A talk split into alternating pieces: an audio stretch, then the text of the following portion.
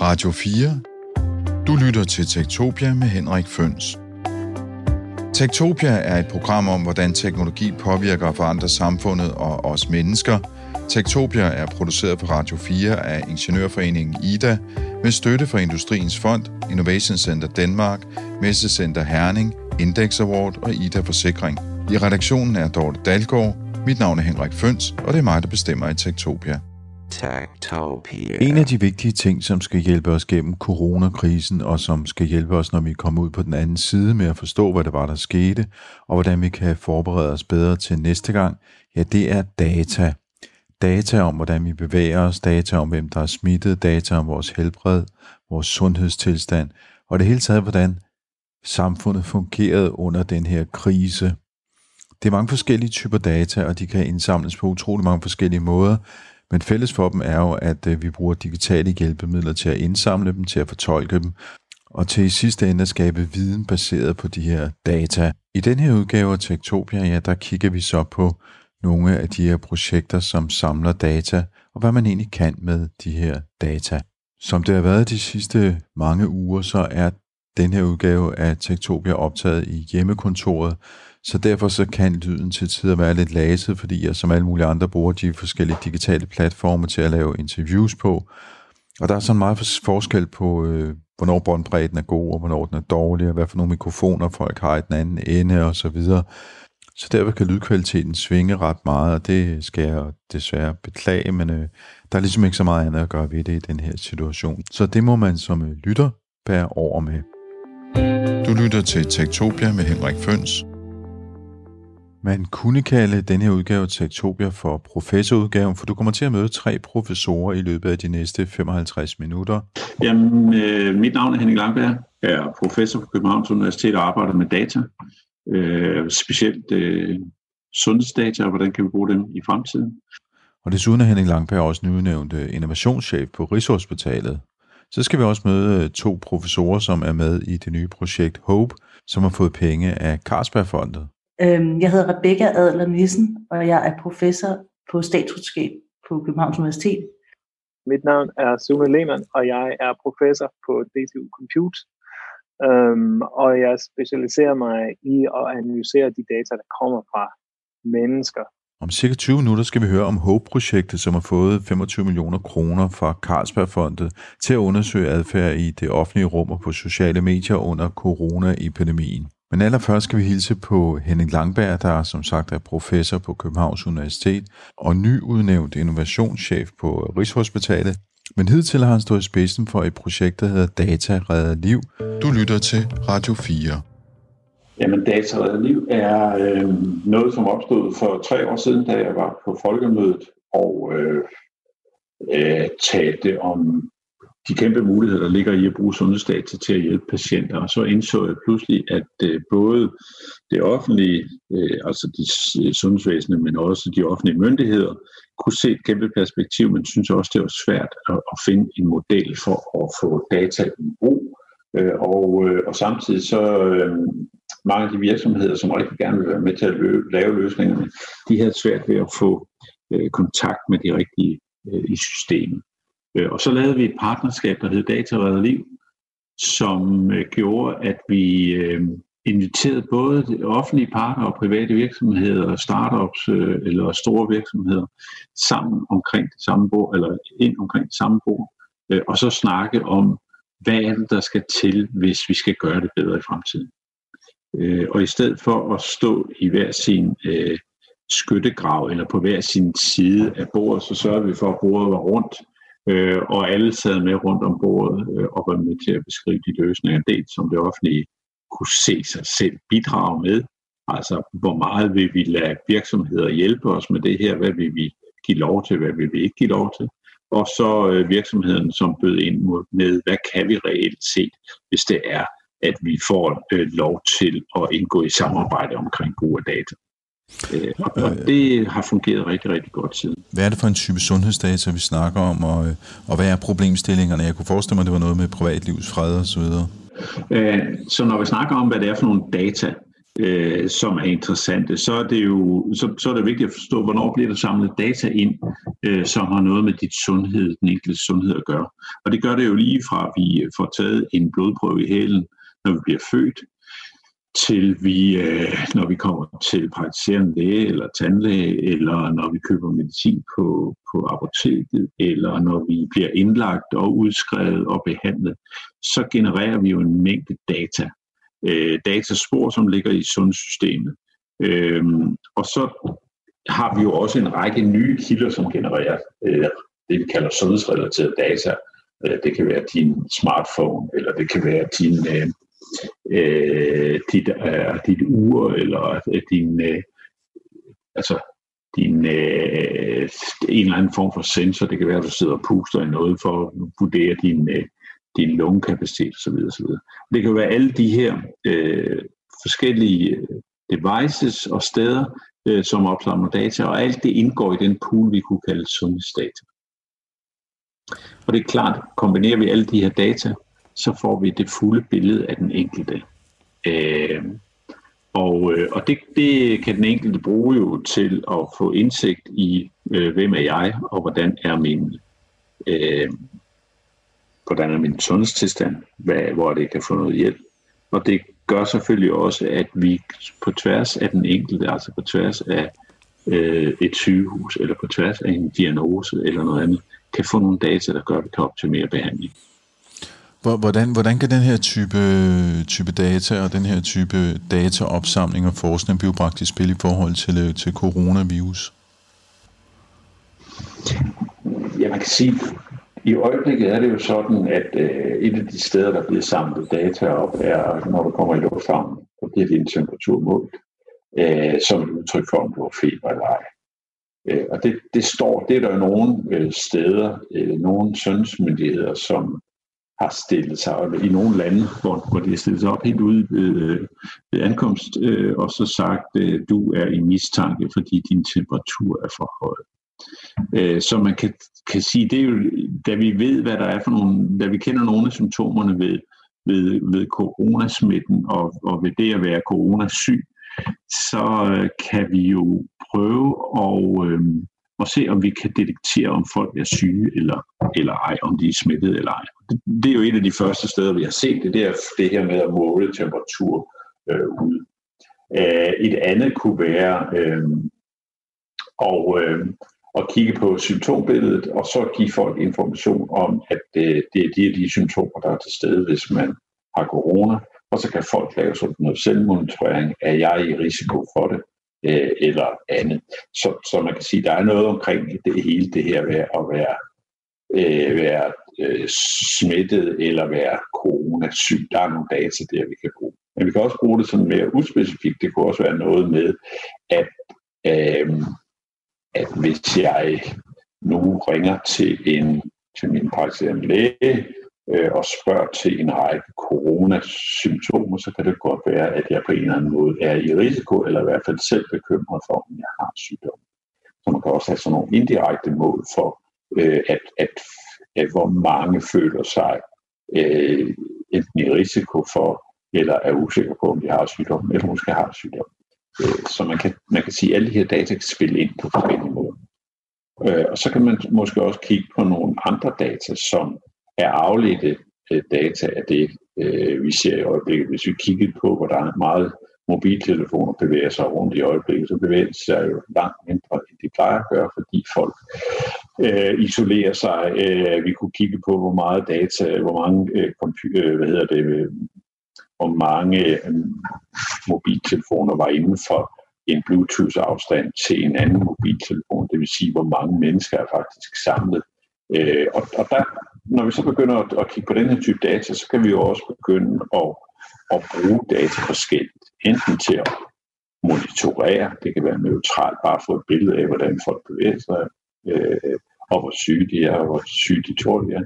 Vi kan også bruge det til så at lave kontrol. Så der er mange forskellige typer data, øh, som kan sige noget om både, øh, hvor, hvor mange der er i risiko, hvor mange der øh, hvad hedder det, ikke er risiko, og, så, og nogen omkring data omkring det her med, hvor meget bevæger folk sig. Og, øh, og det er klart, at, at den information kan bruges på forskellige Uh, da vi snakkede sammen i går, der nævnte du en chatbot. Man kunne godt forestille sig, at man havde øh, en af de ting, man lavede som et resultat af det her, det er, det er en chatbot. Og hvad er en chatbot? Det er jo en, en robot, som kan håndtere nogle opgaver for dig. Det vil sige, hvis jeg ringer til min praktiserende læge og gerne vil vide, om jeg er i risiko, så vil øh, lægen stille mig nogle spørgsmål, og så vil, øh, så vil jeg få et svar om, at øh, du er i risiko, gør sådan og sådan, eller du er ikke umiddelbart risiko, vær opmærksom på det og det, eller du ser umiddelbart ikke ud til at være risiko, så sørg for at overholde de regler, der er fra Sundhedsstyrelsen. Hvis vi pludselig er, øh, hvis vi er 3.000 mennesker, der er tilknyttet hver praktiserende læge, og vi alle sammen har lyst til at ringe ned til en praktiserende læge samtidig, så bryder systemerne sammen. Øh, så, kan vi, øh, så kan vi ikke få svar på vores spørgsmål, og dem, der virkelig har brug for at komme i kontakt med lægen, kan heller ikke komme i kontakt. Og når vi kigger ind i en situation som coronakrisen, så er det jo et af de skrækscenarier, vi har, at dem, der virkelig har brug for at komme i kontakt med sundhedsvæsenet, faktisk ikke kan komme til fordi enten er det sandet til med folk, som øh, har brug for det. Det er jo det, vi snakker om med corona, med den, den høje kurve. Øh, altså, at der er for mange, der har brug for ressourcen øh, eller, eller hjælpen fra sundhedsvæsenet i forhold til, hvor stor kapaciteten er. Men det kunne også bare være bekymrede folk, som simpelthen fyldte øh, telefonlinjen op med spørgsmål, øh, sådan at dem, der virkelig havde brug for at komme igennem, ikke kom igennem. Derfor kunne man så forestille sig, at man faktisk satte nogle corona-chatbots øh, op, som man kunne ringe til, og som gjorde, at jeg kunne få svar på mine spørgsmål. Og hvis øh, de spørgsmål gav anledning til, eller ja, spørgsmål og svarene gav anledning til, at jeg skulle se en læge, så kunne jeg blive sendt videre til en læge. Men så vi havde sådan et, et, et filter eller første øh, kontrol set op. Øh, og det ville være smart nok, for det ville jo aflaste vores tryk på, på telefonen til den praktiserende læge. Hvis man så tænker et skridt videre, hvad kunne man så også? Ja, man kunne også begynde at registrere, hvad folk var usikre på. Så man kunne sørge for, at chatbotten, når der var blevet stillet et bestemt spørgsmål, som, hvor, man, hvor chatbotten ikke kendte svaret, hvor man blev nødt til at sende mig videre til en, en læge øh, i den anden ende, eller en sygeplejerske, at så begyndte man at sige, at det her spørgsmål det optræder så mange gange, så lad os lige sikre, at chatbotten også kan svare på det. Så, så kan den også bruges øh, til at registrere, om der er en udfordring med, med kapaciteten i systemet. Øh, hvis hvis øh, chatbotten pludselig får rigtig mange spørgsmål fra, fra Holstebro, øh, øh, og mange flere end, end øh, antallet af mennesker i Holstebro umiddelbart vil øh, berettige, så er der noget, der tyder på, at der er øh, ved at opstå en, en svær situation i omkring Holstebro, så vil der nok ret hurtigt komme et tryk øh, på øh, Hosbro øh, sygehus, og den kapacitet, der er der, vil så blive opbrugt. Det vil sige, så kunne vi begynde at sige, nu skal vi sørge for, at der er nogle læger, der kører fra Aarhus til Holstebro, og er klar til at hjælpe derovre. Eller øh, på andre måder, øh, kan man sige, øh, dæmme op for den udfordring, vi kan se, inden den opstår, fordi vi har øh, registreret øh, tingene via chatbot. Man kunne også, man kunne også bruge, forestille sig, øh, hvis man tog sådan et, et chatbot videre, at man øh, lod den øh, stille nogle spørgsmål, og så, så, så spørger chatbotten, må jeg inkludere øh, de data, vi har i sundhedssystemet til at kvalificere min tilbagemelding til dig. Øh, og hvis du så siger ja øh, under hensyn til, at det er dig, der skal give lov, øh, så inkluderer den så øh, de ting, vi ved om, hvad for en kronisk sygdom du måske har, øh, hvem du bor sammen med, om der er nogen derhjemme, der er i risiko. Øh, der kan være alle mulige andre informationer om din genprofil eller noget andet. Og så kan vi putte de data med ind i, i det øh, beslutningsrum, der er, og så kvalificere vores tilbagemelding til dig på baggrund af den information. Det er jo det, der sker, når du er nede ved lægen, og lægen kigger ind i din journal, øh, eller kender dig godt i forvejen. Men altså, de her løsninger er jo smarte, men øh, hvis man kigger på den primære risikogruppe, så er det jo, øh, det er jo ældre mennesker i 70-80 års alderen.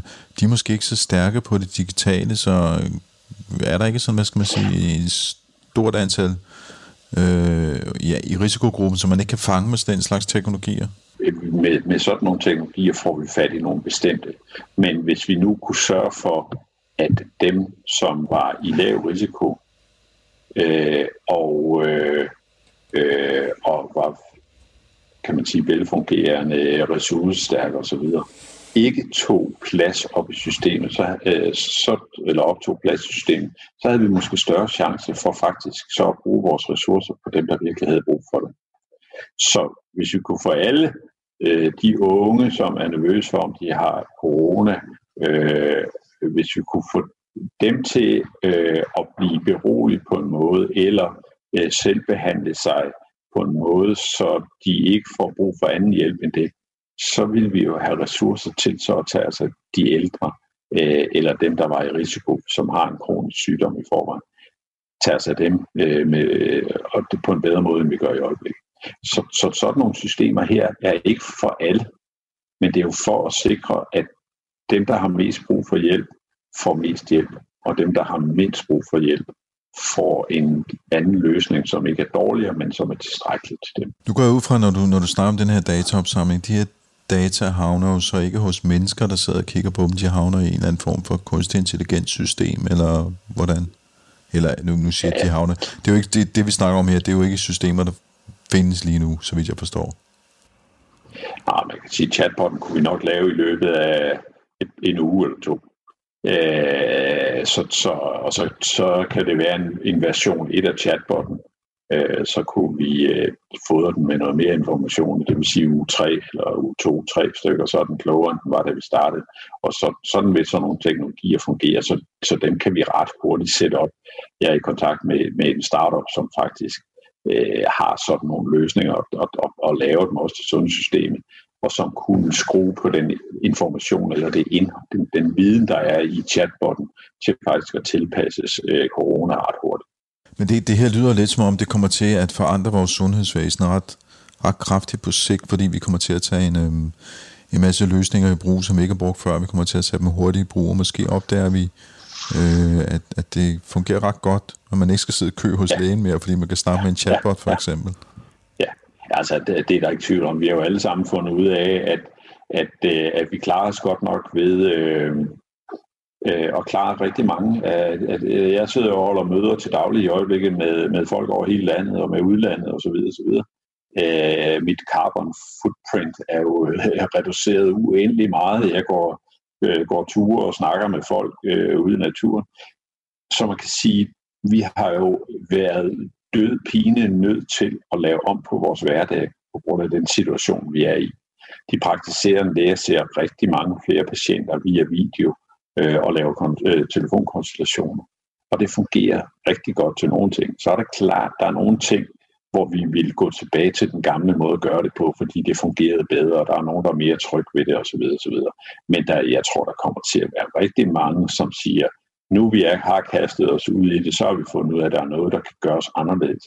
Og så lad os da blive ved med det, der hvor det fungerer godt, der hvor jeg sparer tid øh, som patient, frem for at sidde i min øh, læges øh, øh, venteværelse. Så hvis jeg kunne øh, øh, ringe op øh, og få at vide, at du har en tid klokken øh, 13.10, øh, der skal du sidde i kø, så kan jeg sidde i kø, og, og når jeg så kommer igen til lægen øh, klokken 13.12 eller 15, eller hvornår øh, det passer, så kan jeg snakke med lægen over øh, min, øh, min øh, computer eller min telefon, og hvis øh, lægen så siger, at det der udslæt, det skal jeg lige se, så kan man slå videoen til, øh, og så kan man vise, eller billedet øh, til, så kan man vise sit udslæt, og så får man måske en førstehånds øh, indtryk ud fra det, øh, og så, så kan det være der, man starter den initielle behandling op. Hvis den viser sig at være god nok, så er det jo fint, og hvis den ikke viser sig at være god nok, kan det godt være, at man så skal ses af lægen, øh, eller sygeplejersken, eller fysioterapeuten øh, i en runde to.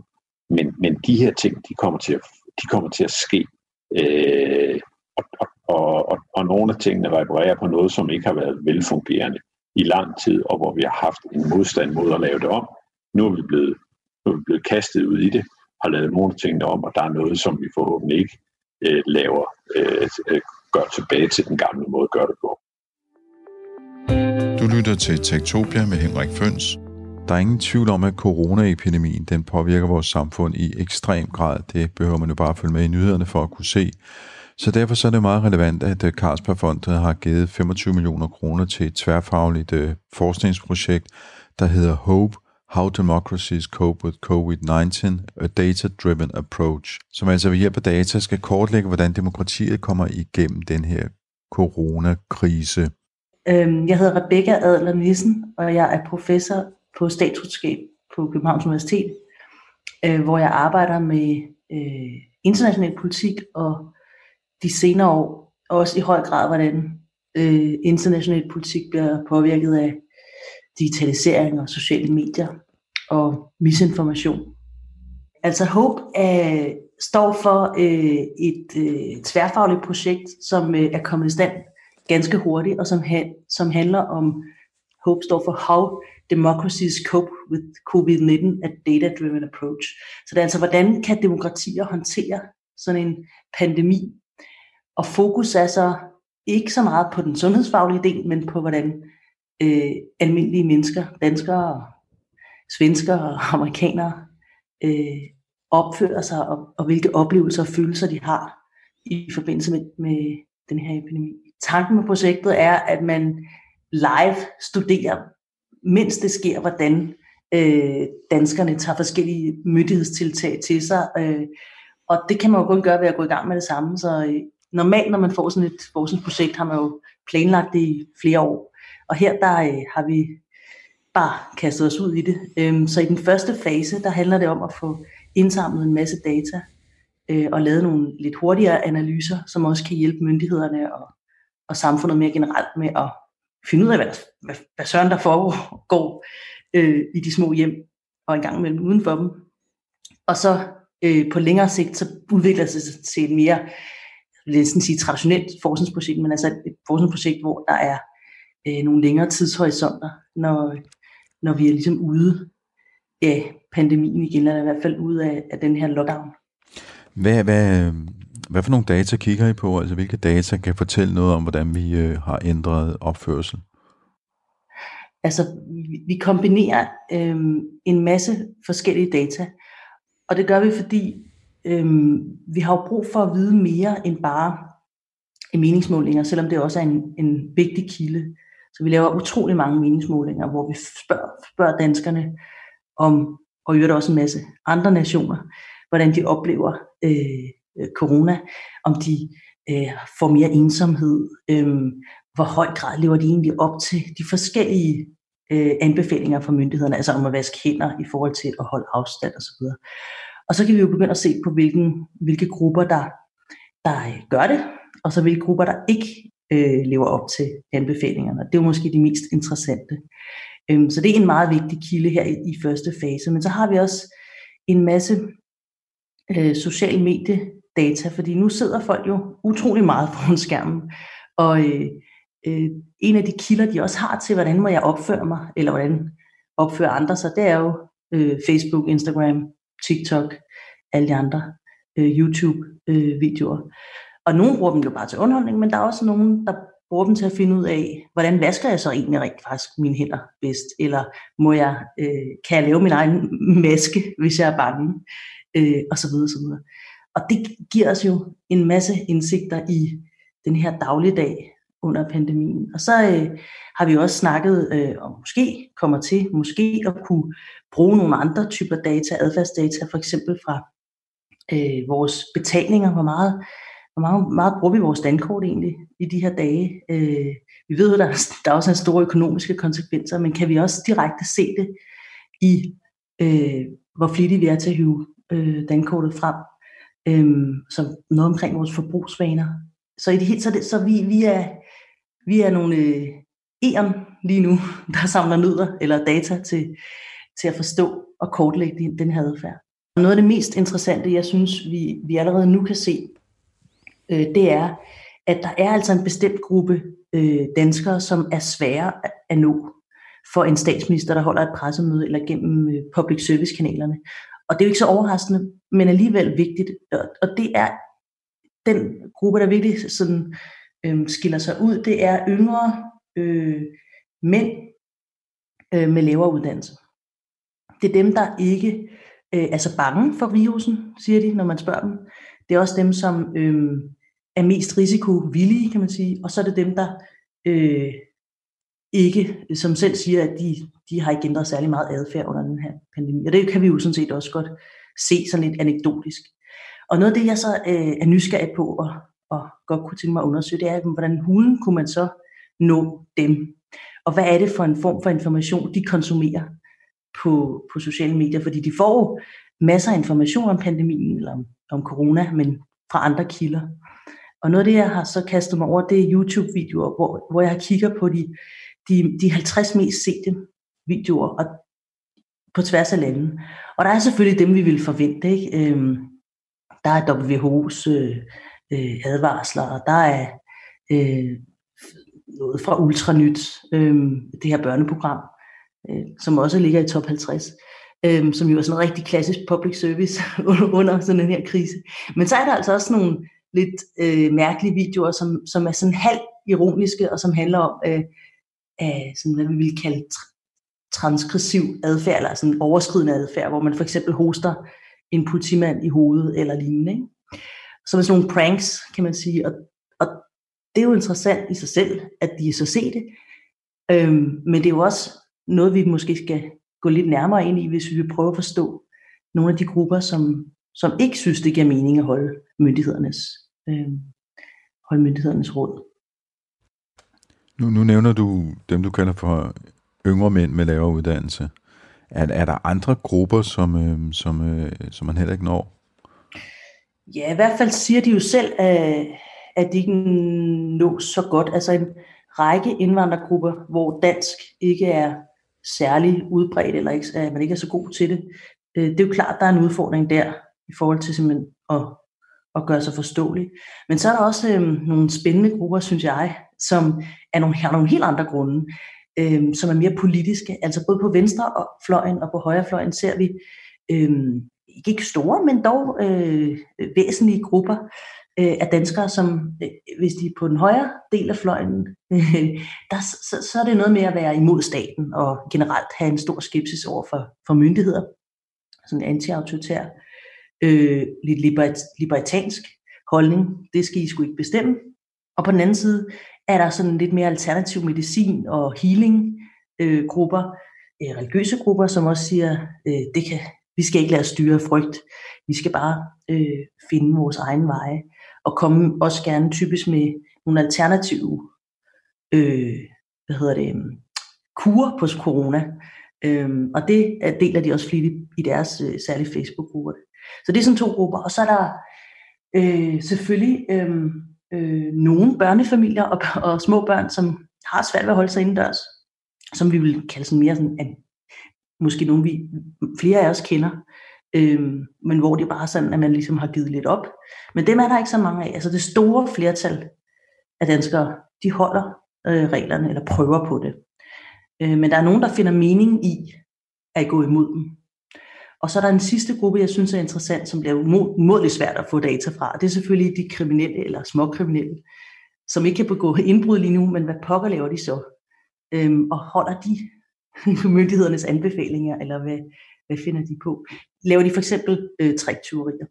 Øh, vi har nedsat en, en række forskellige øh, fokuspunkter, og, og et, af det, et af dem er også dem, der så er i, øh, i marken, så altså sundhedspersonalet, som rent faktisk arbejder, hvordan håndterer de det, den her krise. Så kigger vi også på øh, øh, øh, dem, der arbejder i supermarkeder osv., hvordan øh, fungerer hele øh, nemlig og Coop, som jo nærmest er blevet lagt ned, øh, dem, dem, dem, der bringer mad ud.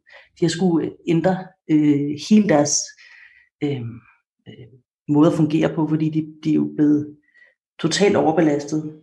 Øhm, samtidig med, at er der et sted, der ikke er, er økonomisk krise, så er det jo der i, i detaljbranchen, der, der hyrer man jo simpelthen øh, rask væk.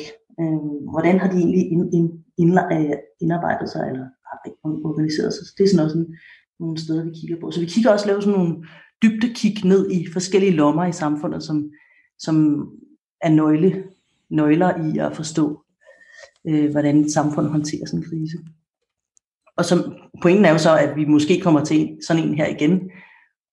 Det er jo nok ikke den sidste øh, epidemi, så måske kan vi forhåbentlig lære noget af det til næste gang. Også hvordan vi undgår at lukke for meget ned. Fordi der er hele det her underliggende tanker om, at vi måske kan tage skade som demokrati. Altså både af de her rettigheder, vi, vi mister, men også på længere sigt af vores øh, øh, sammenhængskraft. Måske bliver styrket lidt i starten, fordi alle synes, nu må vi holde sammen, men der er jo en række, der bliver ekstremt marginaliseret og glemt i den her krise. Og det øh, vil vi også gerne prøve at se, om vi kan kortlægge. Øh, nu har du snakket om øh, grupper, som, øh, som desværre nå. Øh, ja, nu tænker jeg på øh, den primære risikogruppe, det er jo øh, ældre mennesker, altså folk i 70-80 års alderen. Øh, og mange af dem benytter sig jo ikke af digitale medier, så hvordan, øh, hvordan samler I information om, om, om, om de grupper?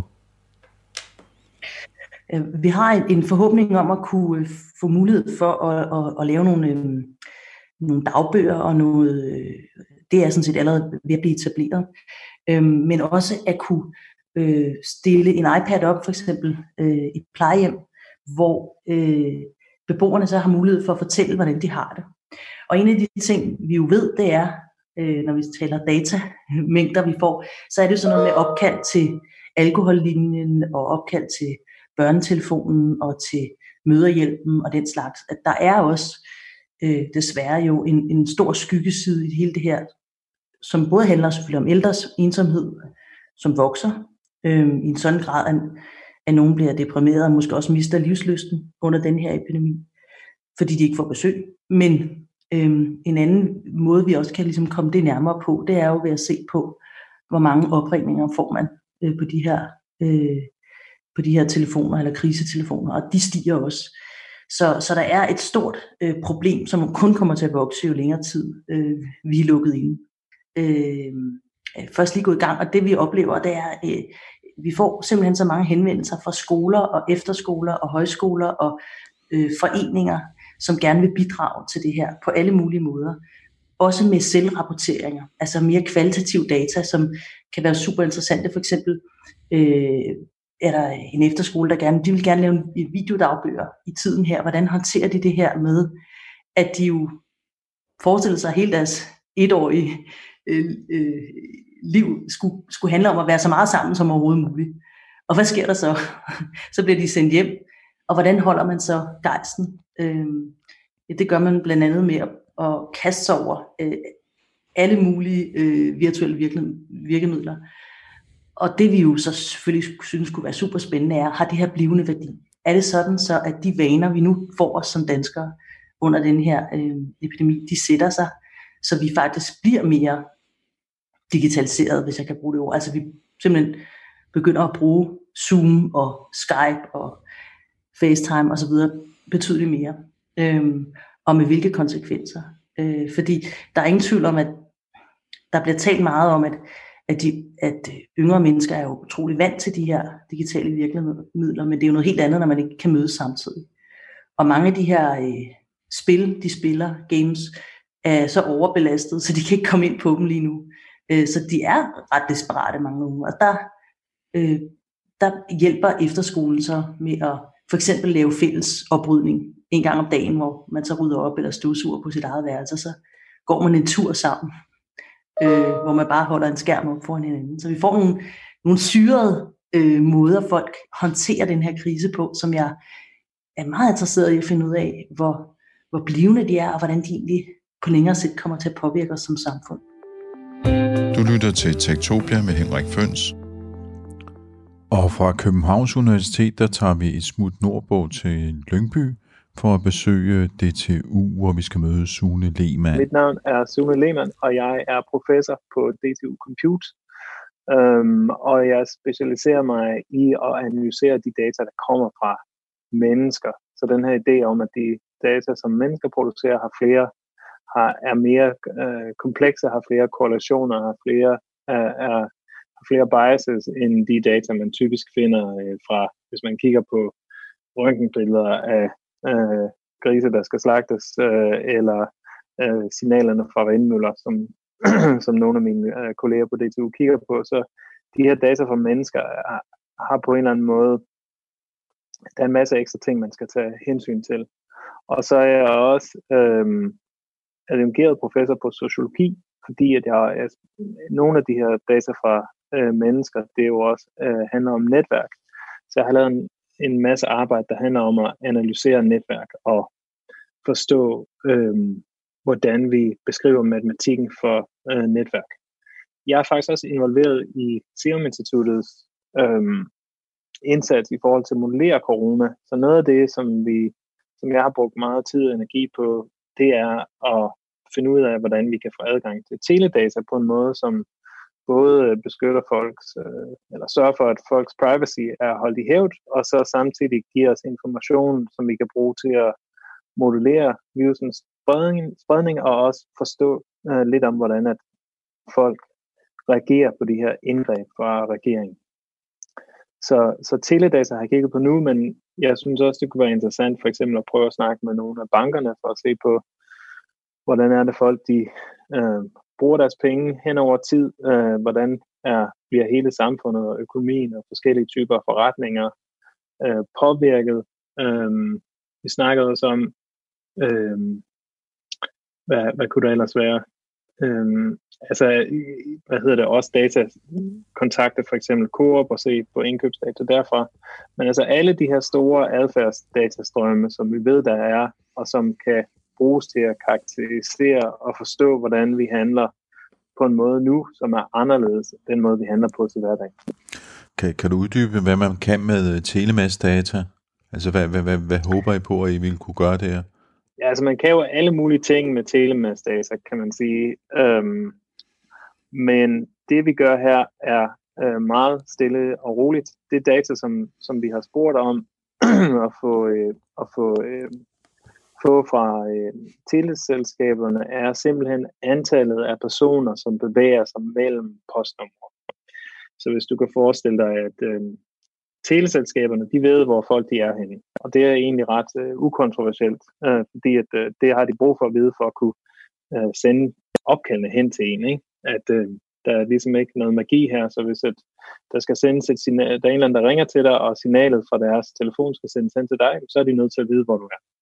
Så teleselskaberne ved, hvor folk de er henne.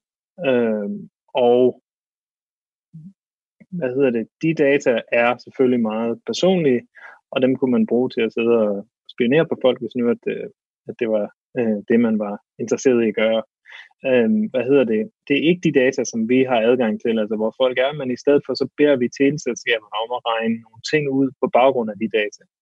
Og specifikt så er vi interesseret i, hvordan folk de bevæger sig, fordi at sygdommen den jo rejser med folk, der bevæger sig. Og så, så det vi har bedt dem om at give os, det er, hvis du forestiller dig, at for hvert par af postnumre, øh, som vi kan forestille os, så altså fra Østerbro til Nørrebro, hen over tid, hvor mange har bevæget sig fra Østerbro til Nørrebro, og hvor mange har bevæget sig den anden vej. Og så videre, men for alle, hvor mange har bevæget sig fra øh, Nørrebro til øh, Skagen, øh, og, og alle de her andre postnumre. Så det, det er sådan set bare en matrix af antallet af mennesker, der har bevæget sig fra sted til sted. Og det er nyttigt for os, når vi modellerer, fordi at lige nu så er de smittede i Danmark øh, heterogent, altså ujævnt fordelt. Så det vil sige, at når vi skal modellere, hvordan at spredningen øh, ændrer sig, så er det nyttigt at kende de her informationer. Og vi kan selvfølgelig også bruge den her type data til at forstå lidt om, hvor meget der bliver rejst, og i hvor høj grad folk de øh, lytter til øh, de, eller ligesom øh, følger de tiltag, som regeringen har udstukket. Og måske allermest vigtigt, øh, i, i den her forbindelse, så kan vi bruge det til at forstå, hvordan at de her ting, de ændrer sig, når vi forhåbentlig om ikke så lang tid begynder at lukke op igen. Vi kan ligesom forstå både i, på modellen, og men også sådan konkret i forhold til rejsemønstre, hvordan ændrer tingene sig, når, at, når det bliver lukket op igen. Så lad os sige, at regeringen nu siger, at nu kan den her gruppe gå tilbage på arbejde, hvad, hvilke ændringer øh, leder det til i folks bevægelsesmønstre. Og det vil sige, at vi kan lave nye øh, projektioner af, hvordan at sygdommen vil udvikle sig, og vi kan også forstå noget om omfanget af ændringer, øh, der, der kommer ud af sådan en, et, en, øh, en ny retningslinje. Vi er i gang med at prøve at få de sidste detaljer øh, sat i orden. Så, så jeg har ligesom snakket med Serum Instituttet og givet råd til, hvad for nogle data vi synes, vi skal indsamle, og nu er vi i færd med at snakke med teleselskaberne og ligesom finde ud af, af detaljerne her. Men det, jeg har ikke fået nogen telemast-data endnu. Du har før arbejdet med dataindsamling fra, fra mange mennesker, som øh, bevægede sig fra et sted til et andet i form af nogle mobiltelefoner osv. på det, der hedder Sensible DTU eller Sensible DTU. Altså et forsøg lavet på, på DTU med, øhm, med studerende i 2013 til 2016. Hvad, hvad for nogle erfaringer bærer du med dig derfra? Måske skulle du også lige fortælle lidt om det, det forsøg, hvad det egentlig gik ud på, og hvordan I lavede det. Ja, altså dengang, øh, det vi var interesseret i, det var at lave et, et studie, hvor vi kunne få en bedre idé om, hvordan ser sociale netværk ud, på tværs af alle de her mange måder, som mennesker kan kommunikere på. Så det her med, at vi kan mødes i den virkelige verden, vi kan ringe til hinanden, vi kan sms til hinanden, vi kan skrive til hinanden på alle mulige online sociale netværk osv. osv. Og der var aldrig rigtig nogen, der havde forstået, hvordan de her netværk de forholder sig til hinanden. Så vi lavede et stort projekt, som handlede om ligesom at afdække det. Og den måde, vi gjorde det på, det var, at sammen med nogle forskere, også fra KU, fra sociologi og antropologi og økonomi og psykologi og fysik og mange andre steder, så fik vi en bevilling, hvor vi fik lov til at købe 1000 mobiltelefoner og så installere software på dem. Øh, og så med øh, folks øh, indvilling selvfølgelig, så delte vi dem ud til de første studerende på DTU, øh, med den her idé om, at vi gerne ville måle alle de mange forskellige typer af interaktioner i den her population af studerende. Øhm, så, så der, der kunne vi så måle ved, at telefonerne scannede hinanden på Bluetooth, øh, noget som vi selvfølgelig også er interesseret i, og hvad hedder det, en teknologi, der måske ikke er mening at bruge i, i forbindelse med det, der hedder contact tracing, som også er noget, man kunne øh, gå i gang med her under coronavirusen. Det kan vi lige komme tilbage til. Øh, så lavede vi et netværk af, hvem er det, der mødes og snakker sammen i den virkelige verden, men vi havde også øh, de her telefoner, viste os, altså hvem der ringer til hinanden og sms'er til hinanden, og hvem der vender på Facebook og så videre. Så vi indsamlede det her store, meget øh, øh, interessante datasæt om alle de her mange forskellige netværk. Øh, så, så øh, det er det, der hedder Sensible. Det projekt, der hedder Sensible DTU, som vi har skrevet en masse artikler om. Og nu nævner du selv det der contract, øh, contact tracing. Øh, hvordan kan man bruge det? Sygdommen spreder sig fra person til person. Så det datasæt, vi indsamlede på DTU, er faktisk temmelig interessant øh, nu, fordi det viser noget om, hvordan ser verden ud. Det her netværk af folk, der mødes i den virkelige verden, er jo den, den verden, som en virus den ser.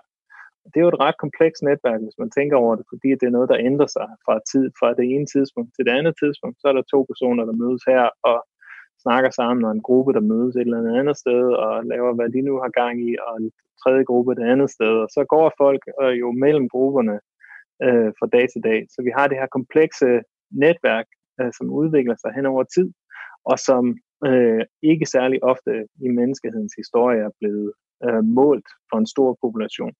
Så vi har et ret unikt datasæt der, der viser noget om, hvordan, hvordan ser verden ud fra virusens perspektiv. Hvad er det for et netværk, den spreder sig på.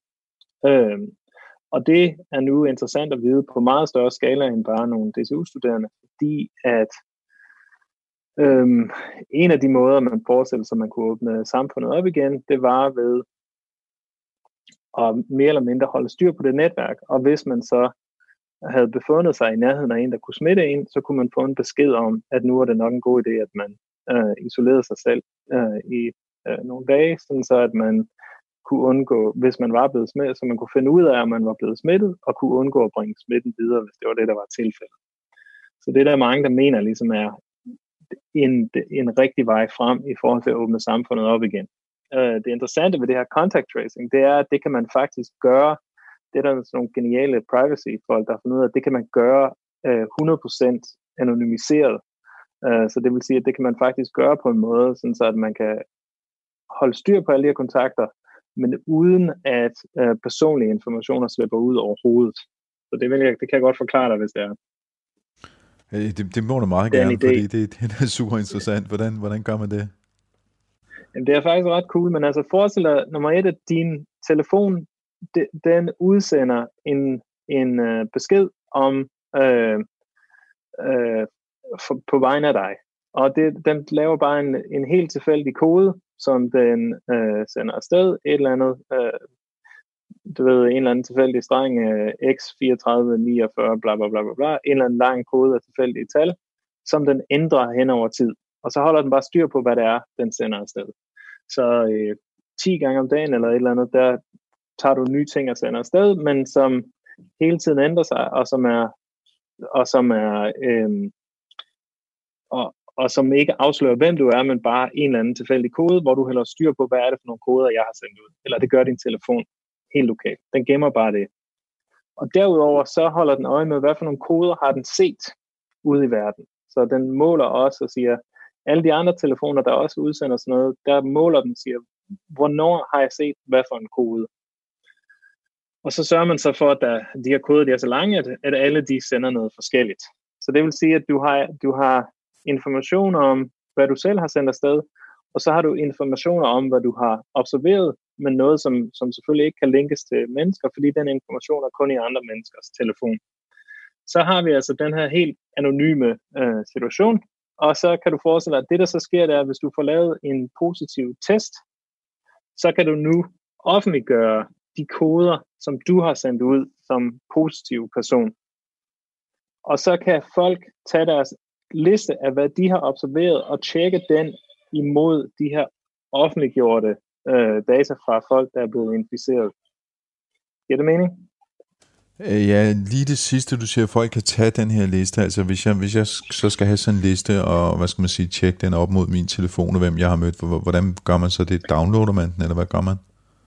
Ja, altså, altså lige præcis det her er faktisk, her springer jeg over nogle detaljer, fordi der, der er noget her, hvor man selvfølgelig der, der er nogle ekstra kryptografiske lag, som ligger her, der gør, at det her det bliver endnu mere sikkert. Men man kan sige, at, at altså, det her med, at man offentliggør sin liste, det gør man faktisk ikke. Men, men, men der er en mekanisme, hvor hver telefon kan sige, at man kan tjekke den liste af, hvem man har observeret på en også anonym måde imod de lister af offentliggjort eller altså af informationer om dem, der er smittet.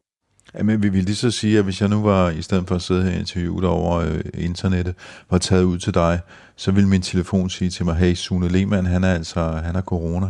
Men din telefon vil bare sige, at du havde været inde. Altså, så vil, det vil man så, det kan man så implementere på forskellige måder. Men pointen er ligesom, at der er ingen, der vil kunne sige, at altså det, der ville ske, det var, at du, altså, jeg vil offentliggøre min liste over, hvad er det for nogle tal, jeg har sendt afsted. Hvad er det for nogle koder, jeg har sendt ud. Og så vil din telefon kunne tjekke og så sige, du har været en, en, af, en af de koder, du har sendt ud, er nu blevet offentliggjort som en, som har været inficeret. Så jeg, jeg vil ikke vide, om det er dig eller de tre andre, jeg har været sammen med den dag? Nej, lige præcis. Men jeg vil vide, at en og af faktisk jer, er der også, fire har, ja. øh, er inficeret, med så må sige. Ja, og der er sådan et ekstra øh, kompliceret ting, hvor den måde, jeg fortæller om, hvordan man offentliggør det, er faktisk mere kompliceret end som så, og giver endnu mere privacy-beskyttelse. Men det gør historien ligesom endnu mere kompliceret. Men altså ideen, den centrale idé, det er det her med, at man kan ligesom holde de her anonymiserede lister op imod hinanden, sådan, så man kan se, om man har været i nærheden af nogen, der er smittet, uden at vide, hvem det er, man har været i nær- af dem, man har været i nærheden af. Er det her system op at køre nogle steder i verden lige nu? Ja, altså der er nogle forskere, øh, altså der er en hel gruppe af internationale forskere, som arbejder på at få det her sat sammen, øh, styret af det, der hedder Fraunhofer-instituttet i Tyskland. Øh, og der har min gruppe har været en lille smule med, det er derfor, jeg kender den her idé, fordi at øh, dem, de ingeniører, som implementerede vores ting og ved en masse om Bluetooth, de har også givet noget input til noget af, af det praktiske i, i, for der, i hvordan man implementerer det her. Så det er en app, der ligesom er øh, på vej og kommer, øh, og kommer ud. Det bringer mig jo lidt videre til, fordi øh, da, da vi startede vores interview her, hvor vi lige havde video på, der, der opdagede vi jo, at vi begge to går rundt med sådan en, øh, en fingerring, som øh, i virkeligheden er øh, det, man kalder for en wearable, så op, som opsamler information om, øh, om øh, vores krop og hvordan vi har det, hvordan vi sover om natten, og vores øh, temperatur og vores blodtryk og sådan nogle forskellige ting. Øh, kunne man ja. forestille sig sådan en teknologi koblet op mod øh, det, du beskriver her, altså sådan, at man havde et, øh, en gadget på sig, som samlede indikatorer på, hvordan man egentlig har det, altså for eksempel temperatur, og så øhm, puttet dem ind i, øh, i den her dataopsamling? Altså jeg tror, at gadgets kan give os rigtig meget interessant information om os selv, og også kunne være nyttige i, i forhold til sådan uh, corona-verdenen. Men jeg vil sige, at i forhold til lige præcis den her kontakt tracing app, der tror jeg faktisk, at det er ret vigtigt, at man har, øh, altså at man ligesom har øh, en myndighed ind over, sådan så at, at, at når man bliver erklæret positiv, så er det noget, der sker fra, øh, fra øh, en, en officiel øh, test af det, af, som man har fået. Sådan så at det på en eller anden måde er, hvad kan man sige, dobbelttjekket og sikkert, at den information, der kommer ind i systemet, den også er øh, 100% korrekt. Og, og, det, og, det, og det gør man selvfølgelig. Det, det gør man for at, øh, hvad skal man sige, modvirke sådan nogle hjemmestrikkede øh, øh, diagnostiseringer, eller hvad? Jamen altså, jeg mener, hvis nu at man skal tage det meget seriøst, så er man jo nødt til at gå hjem og være hjemme, hvis nu at man har været i nærheden af nogen, der er syge og regner med, at man er smittet. Det er jo ikke noget, man bare kan tage super let. Så det vil sige, det man ligesom vil kalde false positives, altså falske positive, hvor man får at vide, om du er måske blevet smittet, og du ikke er blevet smittet, det er, øh, det er noget, der vil være meget, meget dyrt. Så det vil man gerne holde så lavt som muligt, det her tal, hvor at man ligesom tror, at nogen er blevet smittet, men ikke er blevet smittet. Så det er også, så det er også vigtigt, at der ligesom er epidemiologer med ind over og kan forstå, hvad er det egentlig for nogle situationer, hvor det er sandsynligt, at man er blevet smittet. Det er ikke nok, at ens telefon bare har været i nærheden af en eller anden, som øh, måske har været smittet. Så, så, så det er meget vigtigt, at man ligesom er øh, kun får sendt de rigtige mennesker hjem. Og tilsvarende, du ved, det er samtidig også vigtigt, at man så får, altså at man, man tror, at man skal heller have, altså det, der hedder falske positive, er også problematiske. At man tror, at man er okay, men man er i virkeligheden smittet. Fordi så kan man jo fise rundt og øh, tro, at man gør alt det gode og ikke gør noget forkert, men i virkeligheden smitter en hel masse mennesker. Så, så det er ikke helt nemt, det her contact tracing. Det jeg beskrev i forhold til, hvordan at den her contact tracing virker på en, på en uh, fuldstændig privacy, uh, hvad hedder sådan noget, følsom måde, på en måde, så identiteter ikke bliver offentliggjort. Det er jo en lang og stor kompliceret algoritme. Øh, og noget af den måde, hvor man træner, hvordan, hvad, hvilke typer kontakter, der svarer til øh, smitteoverførsel, og hvilke der ikke svarer til det, er også noget af det, man for eksempel kan træne med kunstig intelligens og træne algoritmer til at, at finde ud af præcis, hvad, det rigtige, hvad den rigtige tærskel er og så videre. Så der er masser af både algoritmer øh, i, hvordan at man implementerer det her, og også i, hvordan man analyserer data. Men, men det helt simple, når man ligesom har kalibreret det hele og fået indstillet det hele korrekt, så er det jo ret simpelt at sige, at hvis man har været i nærheden af en, der er smittet, så øh, vil det blive anbefalet, at man skal tage i karantæne. Øhm, det, det er jo en ret simpel, øh, simpel instruks, man ikke har brug for algoritmer til. Og det sagde professor Sune Lehmann fra DTU, der er en af folkene bag HOPE-projektet, HOPE-forskningsprojektet, der skal kortlægge, hvordan samfundet fungerer, og hvordan vi som borgere i samfundet opfører os under coronakrisen. Jeg vil opfordre dig til både at øh, google efter Data Redder Liv, Henning Langbergs øh, projekt og Sune Lehmanns projekt på DTU. Der kan du bare google hans navn, og så kommer der en masse artikler om den forskning, han har lavet i, hvordan elever på DTU de bevæger sig i sociale netværk. Det jeg blev mærke i, som Sune Lehmann han sagde, det var, at øh, netværket jo kan være nøglen til at forstå, hvordan en virus den udvikler sig, fordi virusens adgang til os mennesker det er jo det netværk, vi bevæger os i. Man kan næsten sige, at vores netværk det bliver til smittekæden. Så nogle af de her sådan, øh, netværksstrukturer, som øh, eleverne på DTU de har lavet, de ligner faktisk nogle af de netværksstrukturer, man kan se på nogle af de modeller, man kan finde på nettet over, hvordan coronavirus den har spredt sig. Og på mange måder er det jo tankevækkende, at naturen er skruet sammen på en måde, som øh, udnytter den måde, vi mennesker interagerer på. Det var alt, hvad jeg havde i Tektopia for den her gang. Jeg skal endnu en gang undskylde, at øh, lyden måske ikke var lige god på øh, alle interviews. Det hænger jo sammen med udstyret og det faktum, at øh, vi alle sammen sidder hjemme og arbejder for tiden. Du kan som altid høre Tektopia om søndagen kl. 13.05 her på Radio 4, og så kan du downloade den som podcast fra radio4.dk-programmer-tektopia, eller du kan finde den i den podcast-app, som du nu engang bruger til at lytte på podcast i. Tilbage er der kun at sige øh, god påske. Du lytter til Radio 4.